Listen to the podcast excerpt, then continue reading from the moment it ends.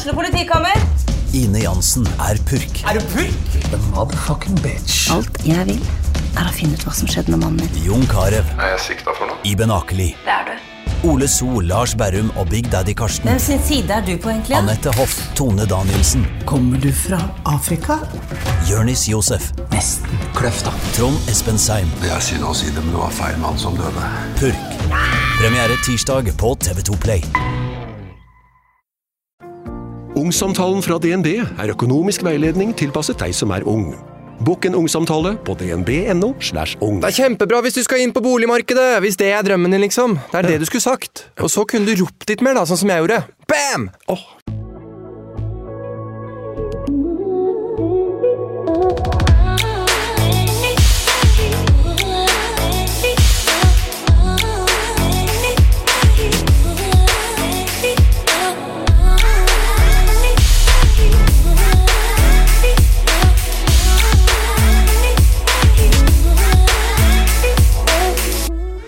Lillesøsteren min er min beste venn. Vi kan snakke om absolutt alt, og vi har alltid forståelse for hverandre. Faktisk så trenger vi ikke alltid å snakke sammen engang. Vi kan bare se på hverandre, så skjønner vi hva den andre mener, eller hvordan den andre har det. Hver gang jeg treffer noen som kjenner henne, så kommenterer de hvor like vi er. Når de sier at jeg ligner på henne, så er jeg alltid raskt ute med å kommentere at det er hun som faktisk ligner på meg. Jeg er jo tross alt eldst. Samtidig så tar jeg det som et gedigent kompliment, for hun er jo helt rå. Ja, bortsett fra når hun låner klærne mine uten å spørre om lov, når hun er så vimsete at det tar timevis å svare når jeg ringer, eller når hun låner Spotify-en min mens jeg bruker den. Men det er jo det som gjør henne til den hun er, den jeg er så glad i, og den jeg ser opp til, ja, selv om jeg er eldst. Jeg hadde gjort alt for henne, uten å nøle. Hun vet at hun kan ringe meg når som helst, og hun vet at jeg aldri ville tillatt at noe skjedde med henne. Men hvordan hadde det vært om jeg ikke kunne gjort noe? Om jeg var helt hjelpeløs? Om hun ble rammet av en sykdom som jeg ikke kunne ha kontroll over? Om det ikke hjelper at jeg fortsatt er sterkere enn henne, at jeg er ekspert på å kjefte, eller at jeg har et par sko hun kan få låne? 17. juli 2016 døde Thea Steen av livmorhalskreft. Og igjen satt blant annet lillesøster Tonje. Og i dagens episode prater jeg med Tonje om hvordan det var da Thea ble syk, og hvordan det er å miste en man elsker til kreften, og livet etter. Både Thea og Tonje har minnet meg på at livet er det fineste, og at det er viktig å ikke ta noen ting for gitt, og ikke minst at det er viktig å sjekke seg. Velkommen. Tusen takk, og takk for at jeg fikk lov til å komme. Det er veldig, veldig hyggelig. Det setter jeg stor pris på, at du har lyst til å komme hit og prate med meg. Skulle bare mangle. Det, det er som sagt, når du spurte, så var jeg ikke i tvil. Selv om jeg bor i Stavanger, så passer det seg veldig fint, så setter stor pris på det. Så hyggelig. Du jobber faktisk i Kreftforeningen, du. Ja, det gjør jeg. Eh, litt eh, tilfeldig, egentlig, at det ble sånn. Um, jeg flytta hjem etter eh, Thea døde, um, utdanna journalist, og så tenkte jeg jeg må gjøre noe annet. Så var det litt tilfeldig at det var en stilling ute, søkte på den, og har vært der nå i to år. Så bra. Mm. Dere gjør jo en enormt viktig jobb.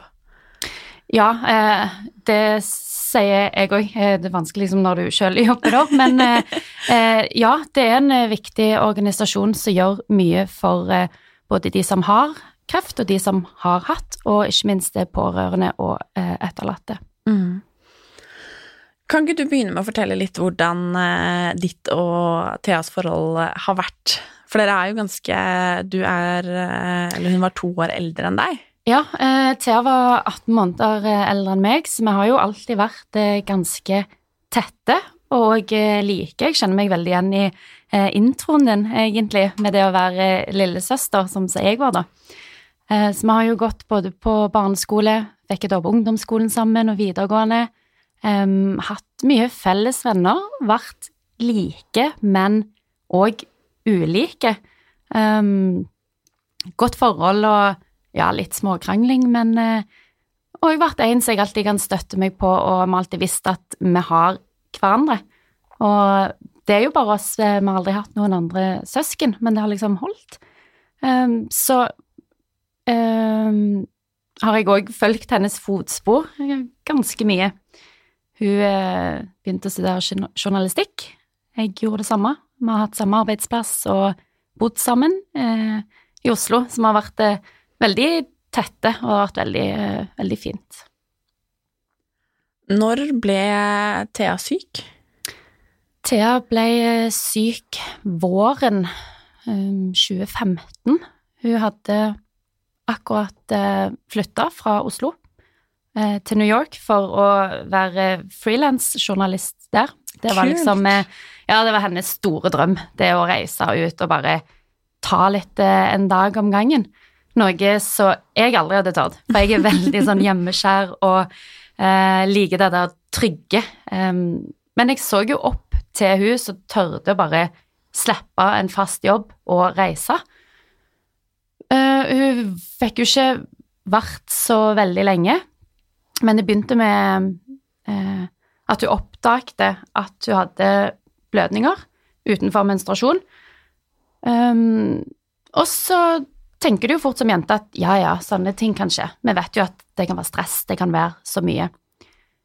Men hun eh, oppsøkte en lege i New York, og så viste det seg at hun hadde en svulst, så da fikk beskjed om var godarta eh, med en gang. Så hun ringte jo hjem og fortalte dette, men var veldig sånn Den er godarta, så det er ingen problem. Det er bare til en fjerne den, en liten operasjon, og så er det greit. Så viste det seg eh, etterpå, når hun trodde hun skulle bare på en eh, kontroll etter operasjonen, at eh, det, den var eh, ondarta. At det var kreft.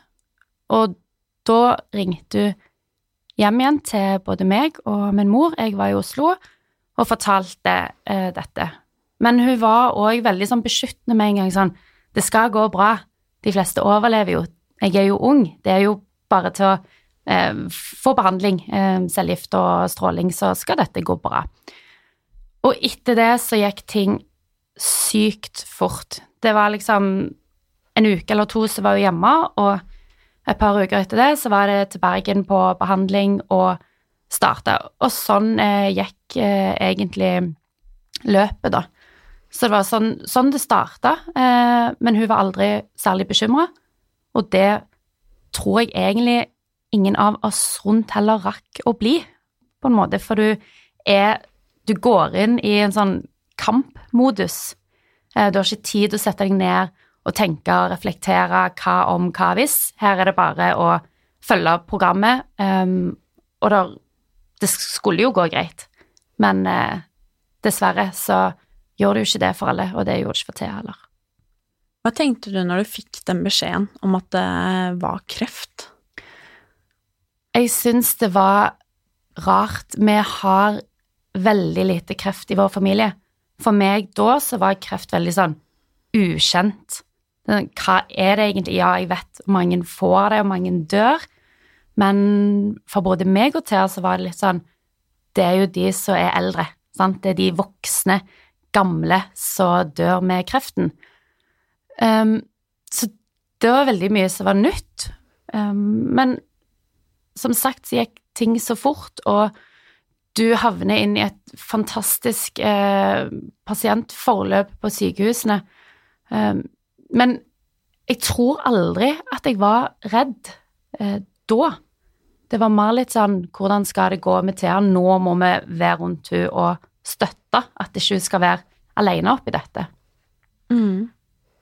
Hvordan er man en søster i en sånn situasjon. Det er klart, jeg har vært ja. uh, søster i uh, Altså, nå har jeg en storebror også, og det er klart Jeg har vært uh, en god søster, tror jeg, når det har vært kjærlighetssorg ut og godt, og når det har vært omgangssyke eller noe mm. annet drama, liksom. Men mm. hvordan, hvordan er man en god søster i en sånn situasjon? Ja, nei, si det. Hadde det vært en håndbok for det, så hadde det jo vært greit. Men det er jo litt som du sier, du havner jo oppe i situasjoner i løpet av livet uansett. Om det er en kjærlighetssorg der og da, så føles det ut som kanskje det verste i verden. Eh, eller om det brekker et bein som gjør at du må slutte med eh, idretten du holder på med. Det er alltid ting som er tøft og vanskelig. Eh, og der og da så blir det det som er det verste. Um, men det er jo klart at du skjønner jo etter hvert at det er alvorlig, men for meg så handler det om å vise til at jeg er her, jeg følger med deg, um, bruk meg til det du trenger, og snakk med meg, si hva du vil at jeg skal gjøre for deg, um, og prøve å følge opp det, da. Det, det er en sånn rar situasjon, og jeg tenker hvis jeg skulle opplevd det på nytt, så tror jeg ikke jeg hadde klart å på en måte kopiert sånn som det var før, for det er så individuelt, både hvem den som syk er, og du som pårørende er. Um, men for meg handler det om å, å være der og støtte der, og det var det jeg ønska. Jeg eh, har et behov for å være med på ting. Jeg eh, kunne ikke klare å sitte i Oslo og bare jobbe og tenke at dette er ditt liv, dette får du ordne. Så er det jo litt ekstra spesielt òg, fordi hun eh, var jo ikke i et forhold eller gift eller hadde barn. Hun var jo på en måte alene. Eh, og da er det jo litt sånn Hvem har du rundt deg? Jo, du har mor og søster, så da ble det jo naturlig at eh, vi er rundt og er med på alt og prøver å følge hennes eh, hverdag, om det er opp- eller nedturer. da. Forandra hun seg på noen som helst måte når hun ble syk? Ja, det vil jeg si. Um, hun har jo alltid vært uh, en som bryr seg om andre og opptatt av å uh, leve livet og uh, ta sjanser. Men det er klart at når du får en sånn beskjed om at du har kreft, så tror jeg nok det vekker noe i hun og ser at nå må jeg eh, på en måte utnytte eh, det livet jeg har. Eh, og hun ble, gjorde det jo til noe veldig positivt. Hun har aldri klagt over sin situasjon. Selvfølgelig det har vært noen ganger der du griner og alt er håpløst, men generelt så var det det der at det, jeg tror hun følte litt sånn ansvar for å ta vare på de rundt seg. Så hun var veldig kjærlig og opptatt av å være positiv og tenke at dette skal gå bra, og det å kunne gi et håp til òg andre, da. Når skjønte dere at det ikke kom til å gå bra? Ja um, På en måte så tror jeg jeg skjønte det, men samtidig aldri har skjønt det heller. Uh, høres gjerne litt rart ut, men hun gikk jo gjennom to um, cellegiftbehandlinger. Eh, etter den første så skulle jo ting gå greit, men vi så jo da at hun begynte å bli dårligere og skjønte at her eh, er det noe som ikke stemmer. Da fikk hun et tilbakefall, um, og det var situasjoner der hun havna i respirator to ganger. Uh, sånne skremmende opplevelser, og vi så egentlig at ting går nedover. Men samtidig så er det ikke sånn at de på sykehuset gir uttrykk for at det, nå går det den veien, før det virkelig, virkelig er sånn. Men skjønte det nok eh, sommeren, altså tidlig sommeren 2016, eh, eller våren egentlig, at eh, dette kan være det ikke går, men samtidig så ignorerer du de tankene, for du er så fokusert på å ta dag for dag, og det handler jo om tenker jeg for Thea sin del òg da, å være den støtten. Uh, hun valgte aldri å snakke om det. Hun spurte aldri lege eller sykepleier hva er oddsene mine, hvor lenge har jeg igjen å leve? Så jeg håper og tror at hun hadde det fint til, uh, til slutten, og så hang vi på en måte bare på det. Men eh, de siste ukene var ganske intense og falt litt av og på, så da skjønte vi jo at det, det er ikke lenge igjen, og det fikk vi òg beskjed om, at eh, hun kom nok ikke til å overleve sommeren, så det hadde de jo rett i òg. Så forferdelig å få en sånn beskjed. Ja. Eller skjønne at liksom uh... Det er absurd. Uh, jeg husker jo vi satt ca. en uke før hun døde, og inne på rommet mens hun var jo helt sånn døsig, um, fikk ikke alltid kontakt, og der sitter på en måte meg og mamma og snakker om begravelse før hun var dødd. Det er veldig absurd.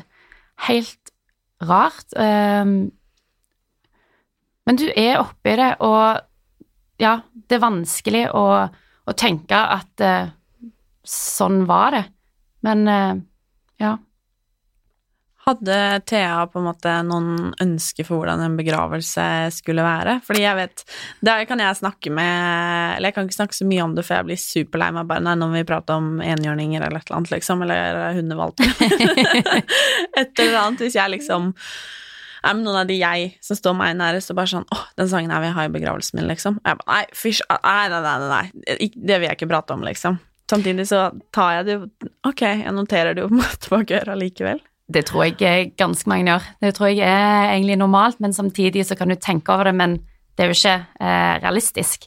Men eh, Thea hadde kontroll på mye og likte å planlegge og ha eh, oversikt og være med å bestemme, så selvfølgelig hadde hun det.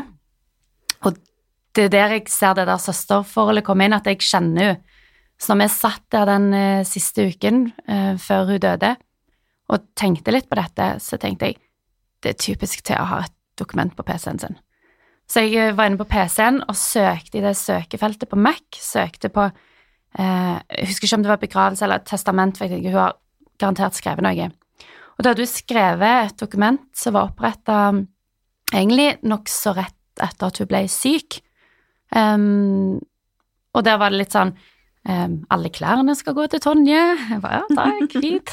Um, men òg om begravelse, litt ønsker at hun uh, kunne tenkt seg Bjørn Eidsvåg eller Thomas Dybdahl til å synge, men ikke Jeg ser av Bjørn Eidsvåg, for den mente hun var veldig sånn opprykt. og så og det at hun ønsket å bli begravd og ikke kremert. Så jeg tenker det er jo veldig fint òg at hun har på en måte tenkt på det, for det, det hjelper jo oss litt. Uh, selv om jeg tror ikke hun tenkte når hun skrev at dette blir realistisk om et år. Kan godt være hun tenkte at dette kanskje aldri de får bruk for det dokumentet.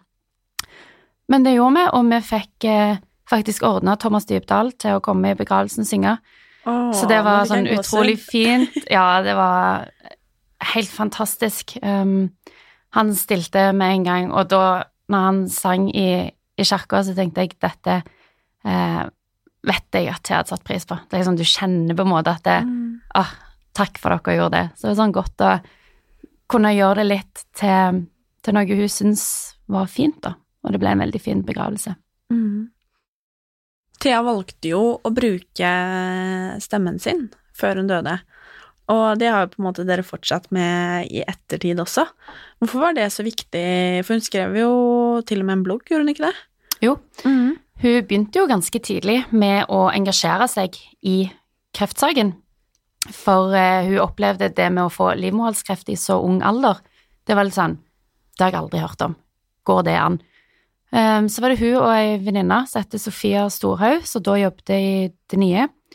De eh, tenkte her må vi gjøre noe, um, så de kontakta Kreftforeningen og starta denne Sjekk deg-kampanjen for å nå ut til unge um, og få ut budskapet om viktigheten av å ta celleprøve. Livmorhalskreft er jo en av veldig få krefttyper som vi kan forebygge, eller du kan gjøre noe for å unngå. Og når vi har den muligheten, så hvorfor ikke? Men du trenger et ansikt, du trenger noen som når ut til den rette målgruppen, og de så jo at det, ja, det har vi mulighet til, så hun brukte veldig mye tid på, på dette til å opplyse andre om hvordan du kan eh, sjekke deg og faktisk unngå å få livmorhalskreft. Eh, og hun var i kontakt med mange. Eh, det var mange som tok kontakt med hun via bloggen og sosiale medier. Så til og med på de dagene hun var så dårlig at hun nesten ikke orka noen ting, så prioriterte hun å svare og ha kontakt med andre, gjerne som hadde kreft eller var eh, pårørende eller etterlatte. Så det betydde mye for hun, og òg for andre. Og det var jo da vi òg så at um, hvis det er mulig å gjøre noe videre her, så føler jeg at det eh, til å fortjene at vi på en måte følger det opp, da. Så begynte det vel med at eh, mamma kom med forslaget om å opprette et minnefond um, istedenfor at folk skulle sende blomster etter begravelsen. Og så tok det egentlig bare helt av etter det. Vi så for oss litt sånn familie og venner, vi kunne samle noen tusenlapper, Eh, men nå i løpet av de ja, gått tre årene så har vi jo samla inn over halvannen million til, til Kreftforeningen, så det Wow, mm. så fantastisk. Eller vi har ikke samla inn, det er jo Nei, alle andre rundt i landet, altså fra nord til sør, øst og vest. Så engasjere seg om det er håndballag, eller om det er dameaften på senter, eller om det er blomsterbutikker. Så ja, det har vært utrolig mye. Og du vet jo kanskje det at de pengene er ekstremt nyttige, du som faktisk jobber i Kreftforeningen. Absolutt. Um, de går jo til Sjekk deg-kampanjen, eh, de pengene som er for en. Og Sjekk deg-kampanjen er en av de kampanjene som Kreftforeningen har hatt som har vært mest effektfulle eh, på så kort tid. Det er nesten litt sånn Oi, wow, dette har gått for fort, for bra.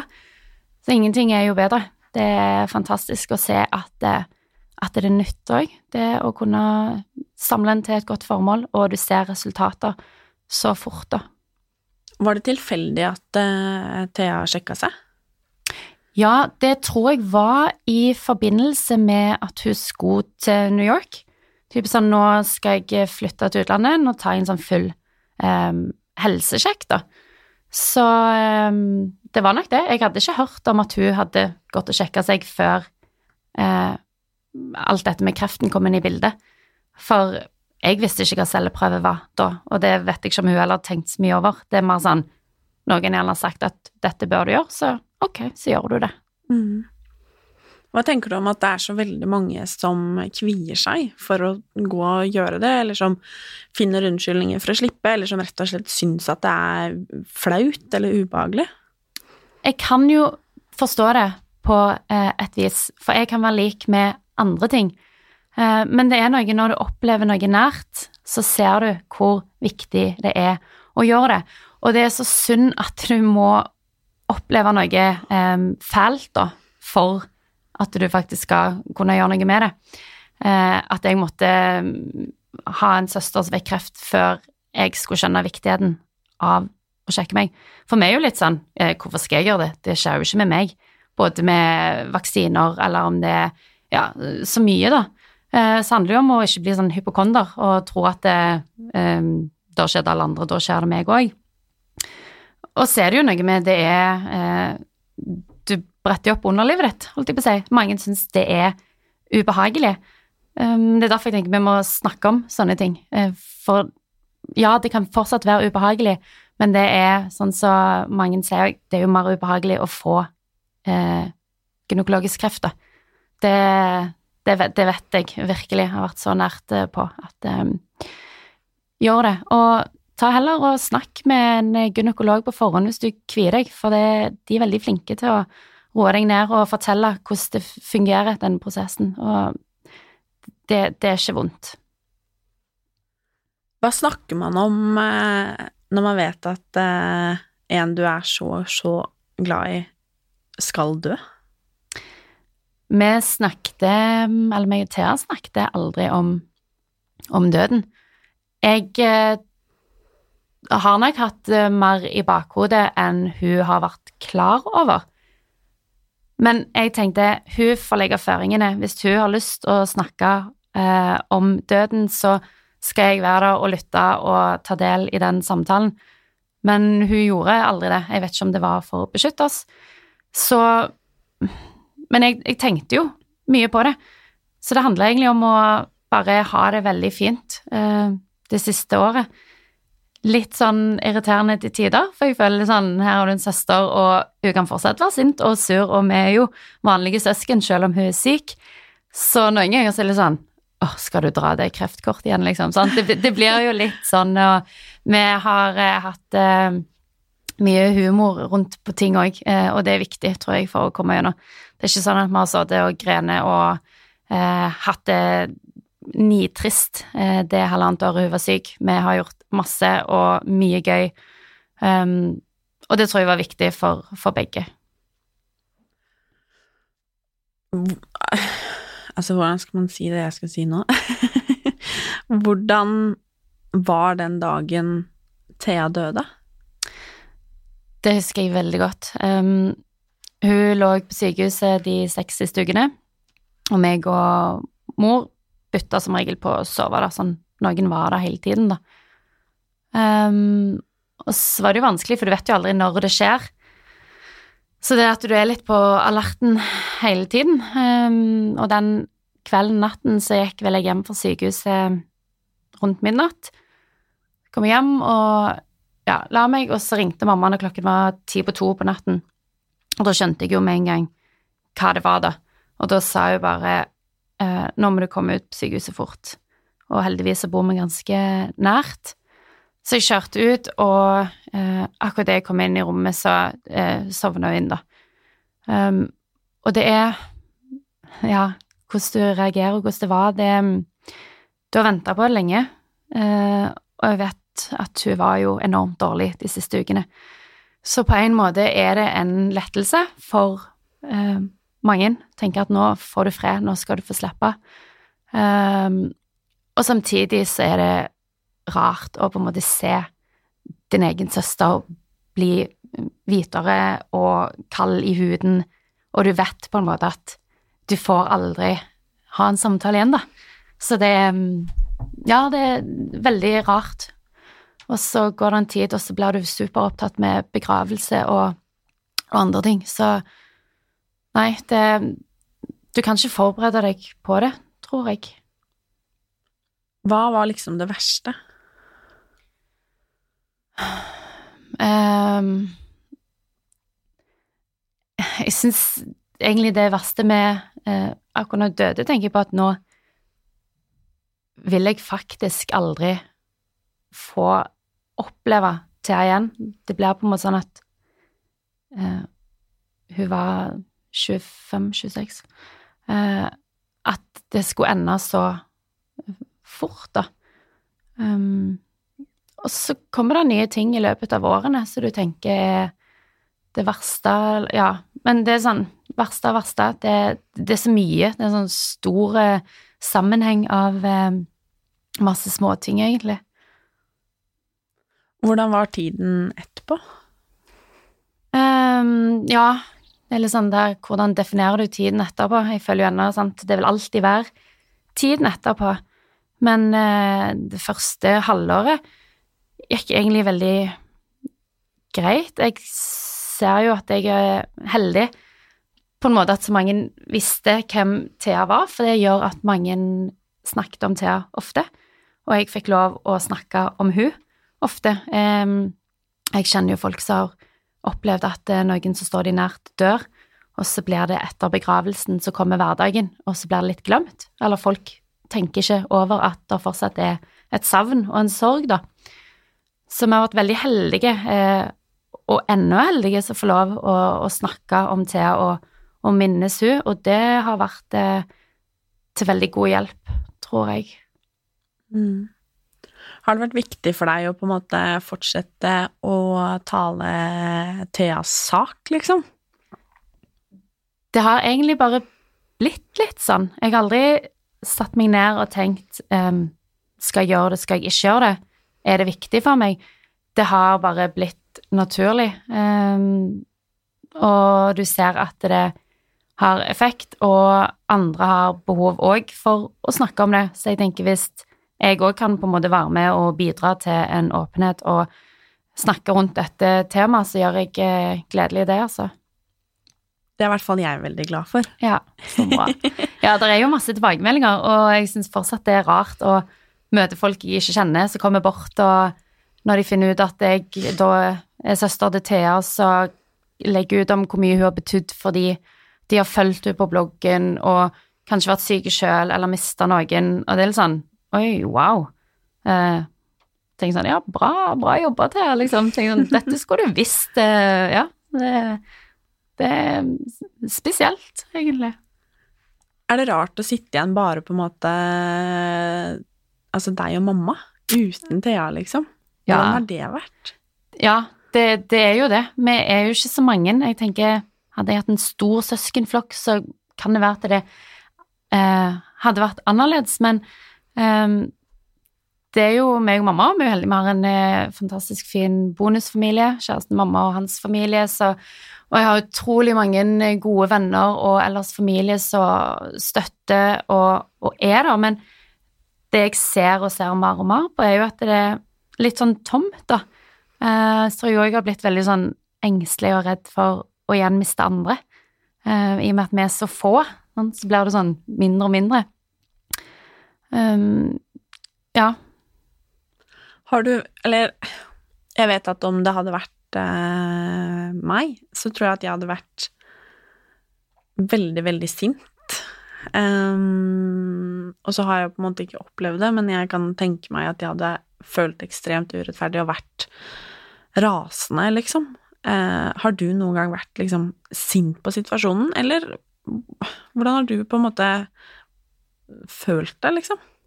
Jeg har um, Jeg tror ikke jeg har vært sint. Um, det høres litt rart ut, for jeg tenker at ja, du bør være det. Og det er lett å tenke at det, sånn som du og jeg sier, at du hadde nok vært det.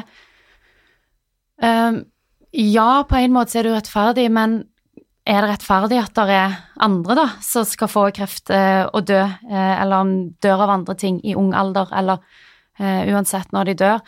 Det er jo klisjé, men livet er ikke rettferdig. For noen så skjer det, og noen får leve lenge, noen får leve kort. Men um,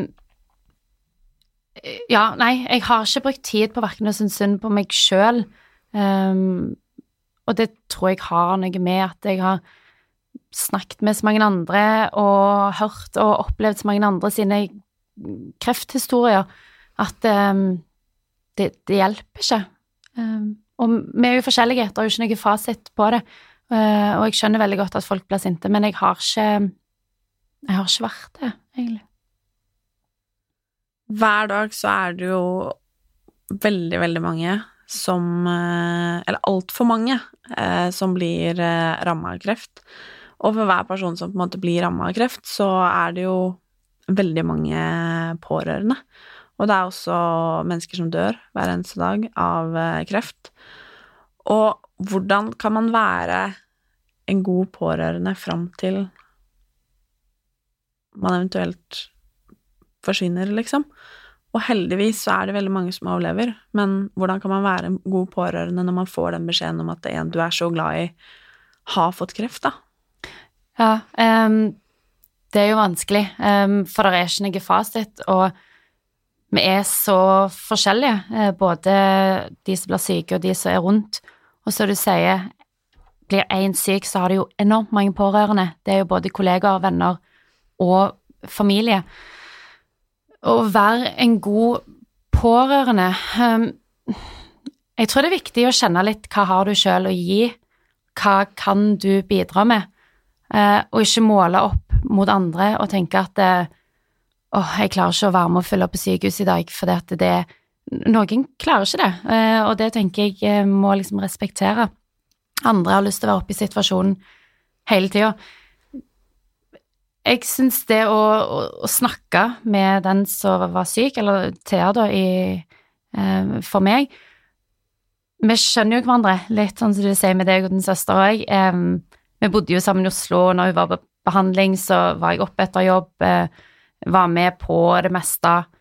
Um, for jeg følte at jeg kunne bidra med noe der, og Thea så at hun hadde behov for å ha noen der. Så det å ha åpen kommunikasjon, forstå hverandre, men òg at begge forstår at du ikke alltid er på bølgelengde, Thea kunne ha en bra dag der jeg gjerne hadde en drittdag. For selv om jeg ikke er syk, så har vi jo alle drittdager. Så det å skjønne at det er um, Ja, å, å, forstå hverandre litt, uh, og egentlig gjøre sitt beste, um, og det, det er godt nok. Det er noe du skal ikke liksom strebe etter å få til noe spesielt som en pårørende, for det er jo viktigste er bare å være der som en god støtte. Det er jo noe at du kan jo ikke Vi kan ikke gjøre noe, vi er ikke helsepersonell.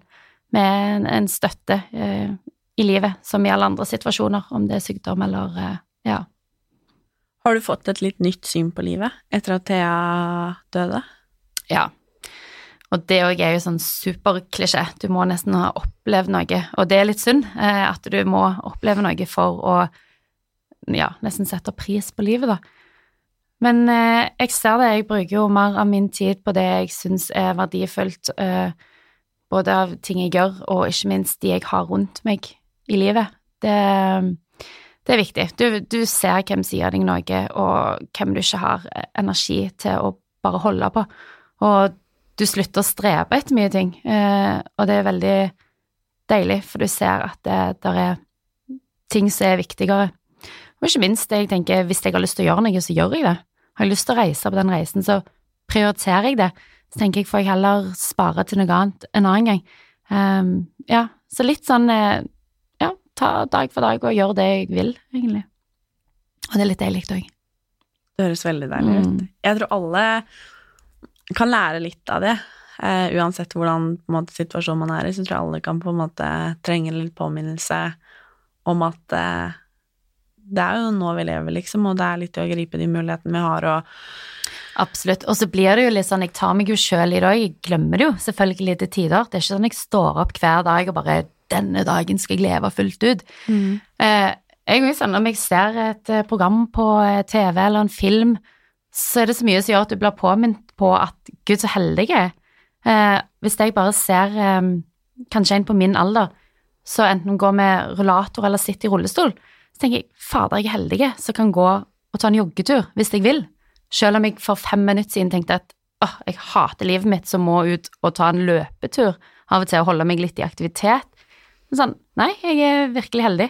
Jeg kan gjøre det jeg vil. Jeg har en jobb å gå til, jeg har venner, og kroppen min fungerer, eh, egentlig. Vi skal snart runde av, men før det så lurer jeg på Hva er det du savner mest? Jeg savner det å ha um, den storesøsteren som jeg på en måte vokste opp med. Um, og jeg kjenner nesten Eller ennå så tar jeg meg i de situasjonene der jeg er ute og opplever ting. Typisk at du sender en snap til venner eller en melding eh, når det skjer store ting i mitt liv som jeg har lyst til å dele, så er så naturlig å dele med en storesøster. Det å ikke få lov til å gjøre det, det er veldig rart, og jeg tror aldri jeg kommer til å venne meg til det. Um, ja, jeg har venner og jeg har familie, men det er ikke det samme. Det Søsken er noe spesielt. Um, og så ser jeg framover òg og tenker den dagen, hvis jeg får barn, uh, så er det sånn, ok, de får aldri en tante fra min side, da. Uh, hvis jeg skal gifte meg en gang, da får jeg aldri hatt min eneste søster i bryllupet. Det at våre barn kunne lekt sammen, altså sånne ting. Så du egentlig tar litt sånn for gitt, da. Um, det syns jeg er veldig sånn vanskelig og sårt å tenke på, og vet uh, kommer til å følge meg resten av uh, livet, egentlig. Tusen takk for at du uh, deler med meg og resten av verden, og for at Jeg vet nesten ikke hva jeg skal si engang. Takk for at jeg fikk lov til å komme og, og dele.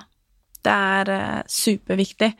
Og eh, vi har påminnet om det en gang til, holdt jeg på å si, en gang før i poden, podden, men vi kan jo minne om det en gang til, at det faktisk er eh, viktig og lurt å sjekke seg. Mm.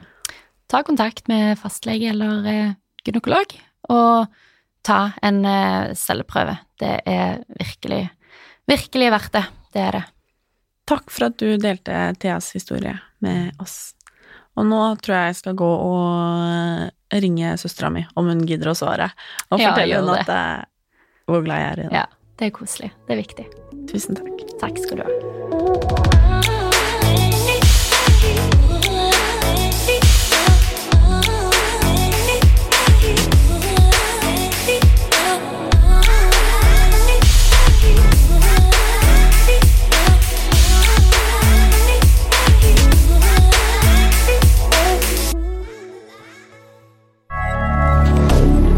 Moderne media.